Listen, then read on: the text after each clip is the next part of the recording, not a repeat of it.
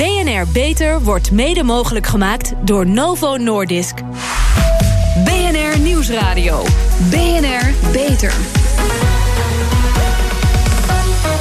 Harmke Pijpers. De Nederlandse ziekenhuizen worden jaarlijks door de Inspectie voor de Gezondheidszorg gecontroleerd.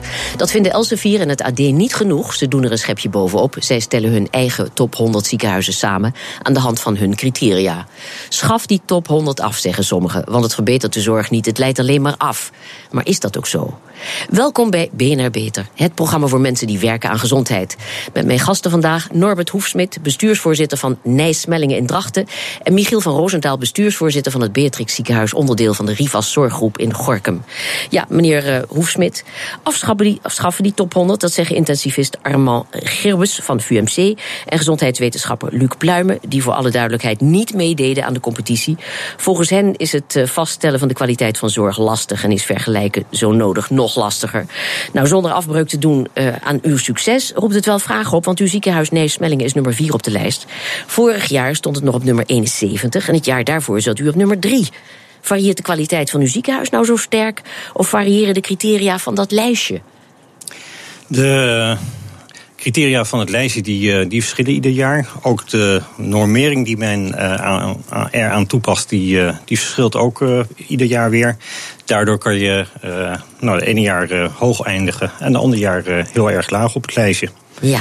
Het ziekenhuis uh, doet eigenlijk gewoon zijn ding uh, normaal. Doet zijn uh, ding, ja. En eindigt zodoende de ene keer hoog en de andere keer laag. Dus de, de waarde van het lijstje moeten we wel enigszins relativeren. Dat moeten we relativeren. Aan de andere kant zie je dat als je als ziekenhuis toch hoog eindigt... men ja, het heel erg leuk vindt en heel trots is op, op het bereikte resultaat. Ja. Meneer Van Roosendaal, het kan zomaar gebeuren dus hè, dat je het ene jaar nummer 1 bent en het andere jaar nummer 70. Niettemin, uw ziekenhuis doet het al vier jaar erg goed in de AD-lijst. U bent sinds dit jaar bestuursvoorzitter van het Beatrix Ziekenhuis. Daarvoor zat u in de directie van de NS. Het Beatrix Ziekenhuis loopt wel als een trein. Wat zegt het over uw ziekenhuis? Nou, dat als je een aantal jaren uh, hoog staat, dat er iets onderliggends zit. Wat je volgens mij dan wel goed doet. We hebben een heel zwaar veilig, veiligheids- en kwaliteitssysteem onder onze prestaties liggen. Dat we een aantal jaren geleden geïmplementeerd hebben. Mm -hmm. Daar sturen we vooral op. Daar proberen we te meten en te verbeteren. En is het voor ons niet een doel hoog in het lijstje te eindigen. Maar het is wel een bevestiging dat je goed bezig bent. En ik sluit me bij mijn collega aan. Het zijn de mensen die heel erg trots op een bedrijf, op een uh, ziekenhuis zijn. Maar vooral ook de cliënten. Ook bij ons in Gorkum zijn cliënten mm -hmm. heel trots dat het ziekenhuis hoog eindigt. Ja. Maar het legt de lat ook hoog. Hè. De verwachtingen zijn hoog voor de volgende keer. Ja, ja. Maar de critici wijzen erop dat de criteria waarop de AD Top 100 lijst zich baseert... wetenschappelijke validiteit en betrouwbaarheid missen. Hoe kijkt u daar tegenaan? Hebben ze een punt? Nou, de vraag is hoe wetenschappelijk je dit lijstje zou moeten willen nemen. Het is een AD top 100, maar de AD baseert zich wel op gewoon indicatoren die wij opsturen naar NZA of naar de inspectie. Dus ze halen die de indicatoren uit de dingen, dingen, dingen die wij sowieso rapporteren. We hoeven ja. er gelukkig niks extra's voor te rapporteren, gezien de discussie van vandaag. Ja. Uh, maar we ja, weten ook dat bij die lijstjes, dus. zeg maar, de voorkeur van patiënten voor grote parkeerruimte en lekker eten, dat dat heel erg uh, belangrijk maar was. Maar die zat er dit jaar niet in. Nee, dat weet ik. Dat is dan een verbetering. Meneer Hoefsmit, wat vindt u ervan? Ja, ik denk dat de wetenschap tot nu toe nog niet in staat is geweest een uh, overal beeld te geven uh, wat de kwaliteit van een ziekenhuis nou echt inhoudt. Mm -hmm. uh, dus helaas moeten we het doen met dit soort lijstjes om het ook onder de ogen van het publiek te brengen. Ja. Want ja, hoog eindigen, dat is hoe dan ook een opsteken voor het personeel. Dat is mooi. We praten hier met winnaars, dat is duidelijk. Maar meneer Van Roosendaal, waar scoorde het Beatrix Ziekenhuis nou vooral zo goed mee? Uh, nou, we, we, we, hebben overal een hele hoge score, 90 op een schaal van 100. Dus dan kan je bijna nergens slecht scoren. Dat klinkt wat arrogant, maar dat bedoel ik niet. Het is over het algemeen zijn wij, doen wij het goed. Als voorbeeld, wat de hoofdredacteur van het AD ook noemde, is dat wij op medicatie heel goed scoren. -hmm. Als patiënten bij ons binnenkomen, checken wij altijd de medicatie. Als ze naar huis gaan, krijgen ze een goede medicatielijst mee. Daar zitten gewoon geen fouten meer in. Oh, ja. Dat is goed geborgd in ons systeem. En hebben, hebben we ook nog het CAM-project, hè? Ja, KAM is een uh, kwaliteit als medicijn. Dat wij samen ja. met onze huisartsen in Gorkum en met onze uh, zorgverzekeraar VGZ hebben opgezet. Een dikke twee jaar geleden. Om samen goed te kijken naar zinnige en zuinige zorg. Waar geef je nou welke zorg aan welke patiënt? Ja. En dat had, dat had tot gevolg, dat loopt al 2,5 jaar begreep ik, dat het aantal poliebezoeken met 20% is gedaald. Correct. Ja, dat is, die wisselvallige criteria die hebben nu dus goed uitgepakt. Maar het is toch interessant, want uw ziekenhuis doet iets waar we behoefte aan hebben. En dat is, u zelf al, betere en betaalbare zorg. Maar minder poliebezoeken betekent ook minder omzet. Is dat vol te houden? Hoe houdt u uw ziekenhuis financieel gezond? Nou ja, ons doel is niet om heel veel omzet te draaien. Dan zou je productie alleen maar belangrijk vinden. En dat is mhm. nou precies wat we niet willen in Nederland. Uh, en ja, het is een vraag in hoeverre dan het ziekenhuis samen met de huisartsen. wat er dan uh, wat verschuift naar de eerste lijnzorg. En hoe je het, het, relatief kleine uh, regionale ziekenhuis in Gorkum met elkaar wel in de lucht kan houden. Want dat het een functie heeft, dat mogen duidelijk zijn. Ja, maar lukt dit project nou zo goed omdat het gefinancierd wordt door VGZ? Want dan is het maar de vraag wat u over 2,5 jaar gaat doen. omdat VGZ dan niet meer financiert, heb ik begrepen. Ja, het wordt niet gefinancierd door VGZ. We hebben met mhm. VGZ een langdurige afspraak van vijf jaar over het contract. Ja. Maar er zit elke jaar een, uh, wordt de eerste anderhalf procent van de index niet geïndexeerd, niet doorgerekend. Er zit wel zeker een prikkel voor ons ook in om het zuiniger te doen. Ja. En zo zitten we er met z'n allen ook in. Ja, er is een soortgelijke ontwikkeling gaande in de diverse regio's, hè, ook in uh, Friesland. Waarbij in de zogenaamde anderhalve lijnzorg substitutie plaatsvindt. Van tweede lijns naar eerste lijnzorg. Dus mensen die vanzelfsprekend werden doorverwezen tot voor kort naar de specialist. Die worden nu onder toezicht van de specialist behandeld door de huisarts. Dat is helemaal in lijn met, met, wat, met de, wat de Friesland wil. Want dat stond onlangs ook in het Fries Dagblad. Lezen wij iedere dag, zoals u begrijpt. Minder onnodige zorg en dus goedkopere zorg. Maar wat, wat zijn nou de consequenties op de langere termijn voor de ziekenhuizen? Hoog op het AD-lijstje, maar behoorlijk gekrompen? Hoe gaat dat worden? Dat zou kunnen. Op zich, laten we zeggen, is het omvang niet een doel op zich. Nee. Uh, het zou goed zijn als uh, uiteindelijk de huisarts, eventueel ondersteund door een specialist op afstand, mm -hmm. veel meer van de zorgvraag af kan. Uh, uiteindelijk is dat ook niet de zorgvraag die in het ziekenhuis plaats zou moeten vinden. Ik denk dat een ziekenhuis steeds meer een werkplek is om mensen beter te maken, interventies te doen, operatieve verrichtingen. dat zal altijd blijven. Ja, dat zal altijd blijven, maar het betekent toch waarschijnlijk wel krimp. Dat is niet erg als wij, laten we zeggen, goede afspraken met een zorgverzekeraar kunnen maken dat een deel van die zorg toch verschuift naar een eerste lijn toe. Mm Dan vind ik het niet erg dat ons ziekenhuis. Nee, vanuit de wordt. patiënt redeneert niet. Maar vanuit het verdienmodel van het ziekenhuis denk ik dat er toch wel wat probleempjes kunnen reizen. Daar moet je dan afspraken over maken met je zorgverzekeraar. Nu is het verdienmodel dat iedere keer als wij een product leveren, wij daar uh, geld voor krijgen. Aan de mhm. andere kant is het wel op jaarbasis gebudgeteerd. Dus als je te veel doet, dan krijg je dat ook niet uh, betaald. Ja. Wij zouden best kunnen afspreken met een zorgverzekeraar dat we 10 miljoen bijvoorbeeld minder aan omzet uh, draaien. Uh, en ons veel meer concentreren op echte complexe zorg. Ja. Goed, een uh, landelijk elektronisch patiëntendossier zou heel erg helpen bij al deze nieuwe plannen. Maar dokters kunnen daar niet op wachten en werken ondertussen aan andere oplossingen. Onze verslaggever Martijn de Rijk ging in gesprek met patiënt en oud ziekenhuisbestuurder Harry Pauw en de oprichters van MediPrepare. Prepare, een app om patiëntgegevens te centraliseren. Ik weet heel goed wat het uh, allemaal betekent om patiënt te zijn, want je mag op weet ik hoeveel plaatsen precies hetzelfde verhaal vertellen. Oud ziekenhuisdirecteur en uh, tegenwoordig patiënt Harry Pauw. Je zou eigenlijk verwachten met alle moderne communicatiemiddelen. één keer vertellen en de rest van het ziekenhuis weet het ook. Anesthesioloog Hans Hendricks. Uh, ja, u moet natuurlijk als uh, anesthesioloog precies weten wat, uh, ja, hoe de patiënt er aan toe is. Ja, we willen eigenlijk 15 seconden overzicht hebben van de context van de patiënt, wat er uh, met de patiënt aan de hand is. Ik heb geen tijd op de operatiekamer om een uur met data bezig te zijn. Ik wil informatie hebben. En daar heeft u een app voor gemaakt? Daar hebben we een app voor gemaakt, inderdaad, ja. Die patiënt die kan zelf een hele hoop vertellen. We hebben vragenlijsten ontwikkeld waarbij gevraagd wordt: hebt u hartklachten? Als er geen hartklachten zijn, laten we alle hartklachten vragen vallen. Dus in een eh, vragenlijst van 1500 vragen. Waarvan je er maar een heel klein deeltje krijgt eh, toebedeeld, natuurlijk. Ja, meestal wel, tenzij de patiënt heel veel klachten heeft. Maar het systeem wat we hebben ontwikkeld, dat kan aan de keukentafel thuis uh, ingevuld worden. Of in de wachtkamer, als je toch 30 minuten moet wachten, kun je net zo goed eventjes wat invullen. En dan rolt eruit een overzichtje, desnoods op papier, op A4, met alles erop wat u nodig heeft om uh, nou ja, te zorgen dat het allemaal goed komt. Ja, inderdaad. Dan komt er een leuke brief uit. Een brief zoals we als dokter willen zien.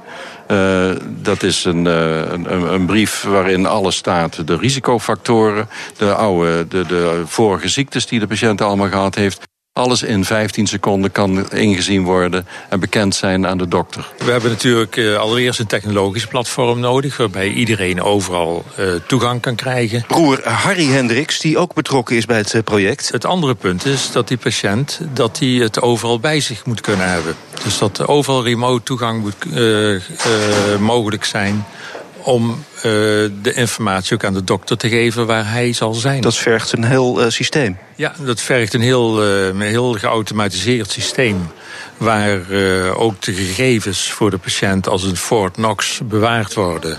Uh, maar waar de patiënt zelf volledig uh, controle over heeft wie hij de toestemming zal geven. Heeft u nou eigenlijk niet gewoon het elektronisch patiëntendossier ont, nou ja, opnieuw uitgevonden? Nou, het elektronisch patiëntendossier is eigenlijk iets, een verhaal apart. wat ik wil, dat is een mooie brief aan collega's. Zoals de Belgische dokters nog schrijven tegenwoordig. En niet een lange lijst met alle onderzoeken die bijvoorbeeld gedaan zijn. Niet een telefoonboek. Power to the patient, hè, zeggen we dan. Uh, uw privacy die is uh, in goede handen. Nou, als dat inderdaad goed geregeld wordt... dan heb je inderdaad als patiënt weer de regie. Bovendien, over twee jaar is er een richt Europese richtlijn... dat... Dat weet u dan weer als uh, ziekenhuisdirecteur? Ja, helaas um, loopt dat een beetje door elkaar heen bij mij. Um, maar het feit dat je als patiënt toegang moet kunnen hebben tot je eigen gegevens is een belangrijke. Maar hier maak je je eigen gegevens al. Uh, beter kan het niet. U hoorde BNR-verslaggever Martijn de Rijk in gesprek met Harry Pauw en oprichters van MediPrepare, Hans en Harry Hendricks. De huisarts moet meer en beter overleg kunnen hebben met de zorgprofessionals in het ziekenhuis. Is beeldbellen of een appje, is dat genoeg of is daar meer voor nodig? Hoort u meer over na de reclame. BNR Nieuwsradio. BNR Beter. De huisarts moet meer overleg kunnen hebben met de zorgprofessionals in het ziekenhuis. Is beeldbellen of een appje daarvoor genoeg? Of moet er nu eindelijk echt werk worden gemaakt van het landelijk EPD, het landelijk elektronisch patiëntendossier? Hierover praat ik verder met Norbert Hoefsmit, bestuursvoorzitter van Nijs Smellingen in Drachten, en Michiel van Roosendaal, bestuursvoorzitter van het Beatrix Ziekenhuis, onderdeel van de Rivas Zorggroep in Gorkum. Ja, meneer van Roosendaal, we hoorden net in de reportage over een centrale app voor zorgverleners.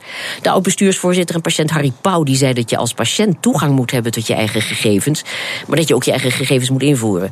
Ja, wat vindt u van dit soort initiatieven voor een meer centrale aansturing rond die patiëntgegevens? Wordt u daar wel blij van? Nou, ik vind het sowieso belangrijk om te constateren dat een huisarts en een medisch specialist in het ziekenhuis echt goed met elkaar moeten kunnen samenwerken. Maar het begint dat ze met elkaar moeten kennen. En als je dan vervolgens dat kan ondersteunen door, door nieuwe elektronica, uh, uh, nieuwe manieren om informatie uit te wisselen, kan ik daar alleen maar voorstander van zijn. Maar ja. dat is wel nodig. Maar helpen dit soort oplossingen? Is ieder initiatief mooi meegenomen? Of had dit toch al veel langer centraal geregeld moeten worden? Nou ja, landelijk is het ons niet gelukt. Dus nee. dan laten we het aan de markt over. Heet het dan zo, zo populair? Ja. Laten we maar kijken wat er komt en uh, welke dingen werken, zullen wij ons bij aansluiten. Maar we doen het ook zelf. We hebben een cliëntportaal waarbij onze cliënten zelf kunnen inloggen en zelf bij hun gegevens kunnen uh, van tevoren nadenken over als je naar een poli gaat, welke vraag wil ik nou echt gesteld hebben en wat kan ik van tevoren al invullen. Ja. Daar zijn we zelf ook al mee bezig. Ja. Meneer Hoefsmit, hoe wordt er in de Friese ziekenhuizen en zorginstellingen gewerkt? Staat het, uh, is daar de digitalisering en, en patiëntgegevens in Nijs-Smellingen, is dat al een feit? Is dat op orde? Dat is uh, zeker nog niet op orde. We zijn bezig mm -hmm. om een patiëntenportaal neer te zetten. We zijn overigens niet het eerste ziekenhuis in Nederland die daar uh, mee bezig is. Maar het is wel een van onze speerpunten om dat komende jaar ook gerealiseerd te krijgen. Ja. En dan gaat het om de patiënt goed te informeren, maar ook zo'n portaal te gebruiken om veel meer in contact te komen met zo'n patiënt. Ja, maar ja, in, in de Scandinavische landen, ik werk nog even toen weer naar dat, dat centrale uh, elektronisch patiëntendossier. Daar werken ze wel met een landelijk elektronisch patiëntendossier. Waarom stagneert het toch zo in Nederland? Hadden ze niet veel meer moeten doorpakken? Want voordat je het weet, is dat ook weer in handen van uh, Microsoft en Google. En dan kun je niet meer praten over vrijheid. Dat. Ja, ik dan denk heb je dat, een hele kleine positie. Ik denk dat we een jaar of tien geleden een kans hebben laten liggen om dit nou. op te pakken in, uh, in Nederland. Uh, ja, als ethici, politici uh, uh, zich er te veel mee gaan bemoeien, ja, dan komt het gewoon uiteindelijk niet van de grond. Privacy is daar erg van belang. Maar ik denk dat de voorbeelden als Engeland en Zweden ook gewoon laten zien dat daar ook goed mee te werken is. Ja. Want daar zal de Pruisen ook niet op een andere rol spelen als in Nederland. Ja. Ik denk dat uh, als het voorland is dat als we het in Nederland niet met elkaar regelen, inderdaad gewoon de grote bedrijven dat gaan regelen. En dan krijgen we een soort uh, uh, ja, Google-app of uh, ja. Microsoft-app die uh, uiteindelijk alle informatie bij elkaar brengt. Ja. Uh, dat doen ze ook niet gratis. maar zullen ze daar ook wel hun bijbedoelingen bij hebben? Ja, want meneer Roosendaal, u zei dus laten we het aan de markt over. Maar heeft u er vrede mee? Of vindt u van dat we toch eigenlijk nog een poging nou, zouden moeten wagen? Als we het echt belangrijk vinden, vind ik gewoon dat we dit wel met elkaar centraal zouden hebben moeten kunnen regelen. Maar nou, die kans hebben, hebben we genomen, is niet gelukt. Mm -hmm. ja, dan vind ik het ook dat, dat het een andere zou moeten kunnen zijn om te kijken of ze dat gat kunnen invullen. Ja. Dus zou ik het nog even echt centraal met elkaar doen en onder goede regie. Ja. Uh, misschien dat het nieuwe kabinet en de drie, twee ministers plus een staatssecretaris dat met elkaar kunnen oppakken. Ja, dat zou mooi zijn.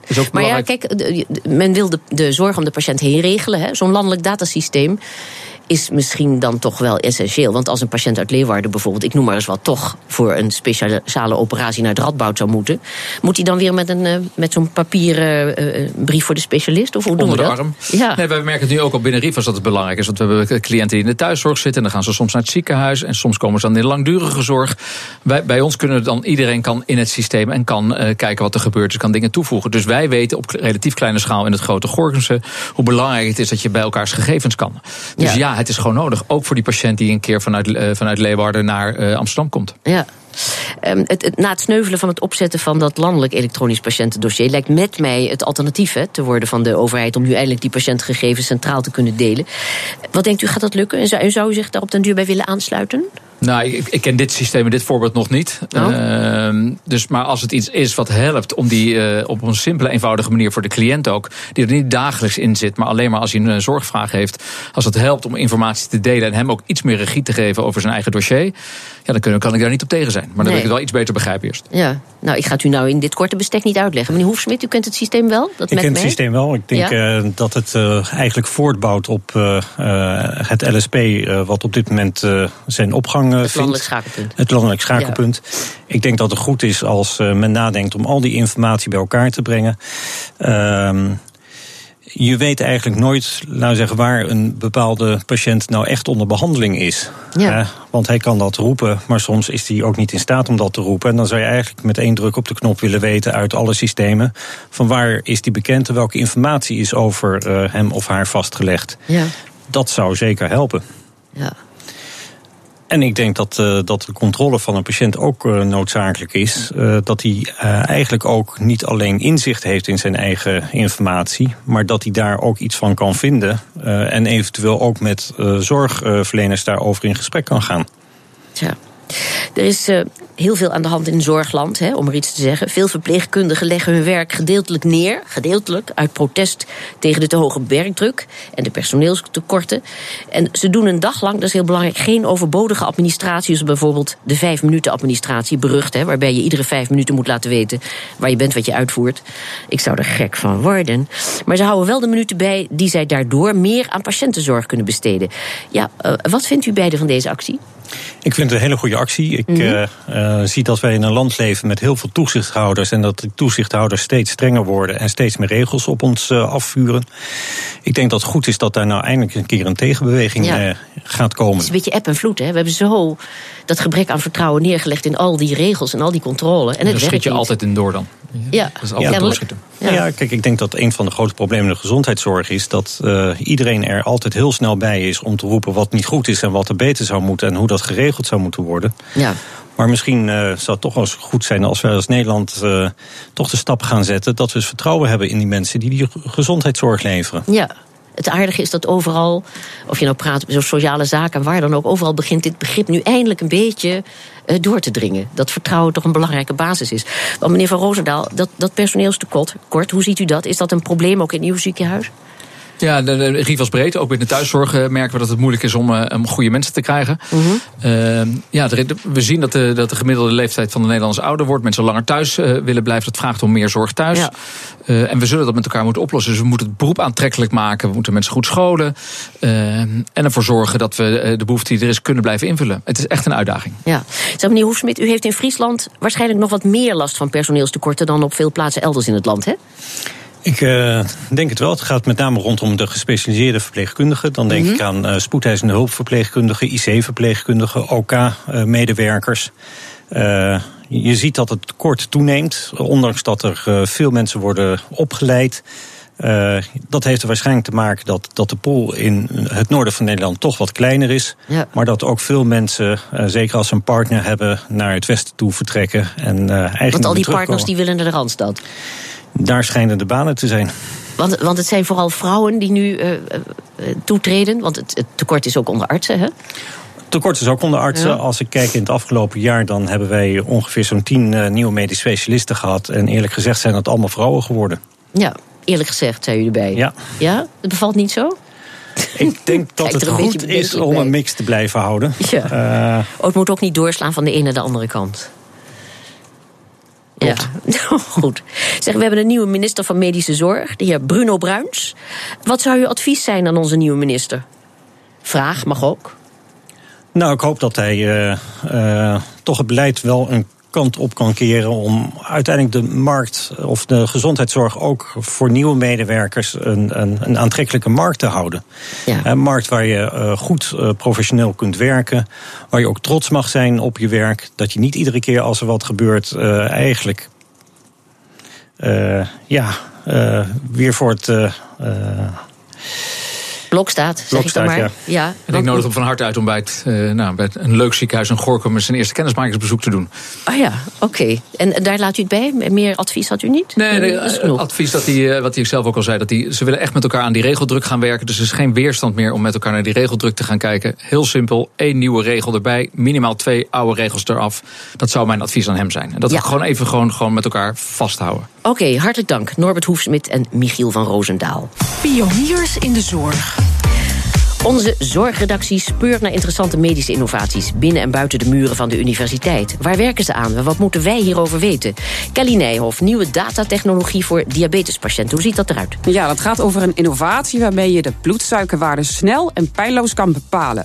Veel diabetespatiënten, maar ook artsen zijn heel enthousiast over deze ontwikkeling. Ja, en het gaat. Uh, wat is die uh, techniek dan precies? Nou, het gaat om het even snel kunnen scannen van je bloedsuikerwaarde in plaats van dat vingerprikje. En een van die nieuwe producten is dus een sensor die je dan op je bovenarm plakt, de Freestyle Libre. En die patiënt hoeft alleen maar die reader langs die sensor te halen, waardoor hij direct zijn actuele bloedsuikerwaarde kan zien.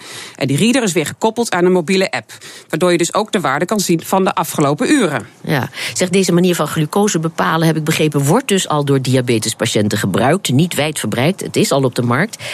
Um, gaat dat vingerprikje verdwijnen? Nou, dat vingerprikje om je bloedsuikerwaarde te meten is nog steeds een goed alternatief. Maar artsen en onderzoekers zijn ook enthousiast over deze ontwikkeling, omdat het nog meer data verschaft. Maar Frank Snoek, hoofd van de onderzoeksgroep Psychosociale Diabetologie in het VUMC, AMC, zet daar zijn kanttekeningen bij. Laten we even naar hem luisteren. Ik denk dat we heel enthousiast moeten zijn. Ik vind het echt een gamechanger. Maar er zit ziens duidelijk ook dat er nog steeds en misschien nog wel meer, een beroep gedaan wordt op, op het verwerken van al die informatie. Want sommige mensen die stoppen er daarom mee. Die zeggen, ja, ik, ik, krijg zoveel informatie. Er wordt in eerste instantie gekeken naar, hè, is het veilig en is het klinisch ja, behulpzaam in mooie randomized control trials. Maar in, zeg maar in real life zie je dat mensen op hele verschillende manieren mee omgaan. Die patiënten die zullen daar misschien ook wel enige coaching bij kunnen gebruiken.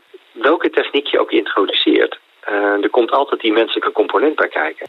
Ja, we hebben ook nog een reactie gevraagd van het Diabetesfonds op deze ontwikkeling. En ze willen dan niet ingaan op de sensor. Maar ze zien wel graag dat partijen hier gezamenlijk in gaan optrekken. Zodat deze nieuwe manier van bloedsuikerwaarde bepalen voor iedere patiënt gaat werken.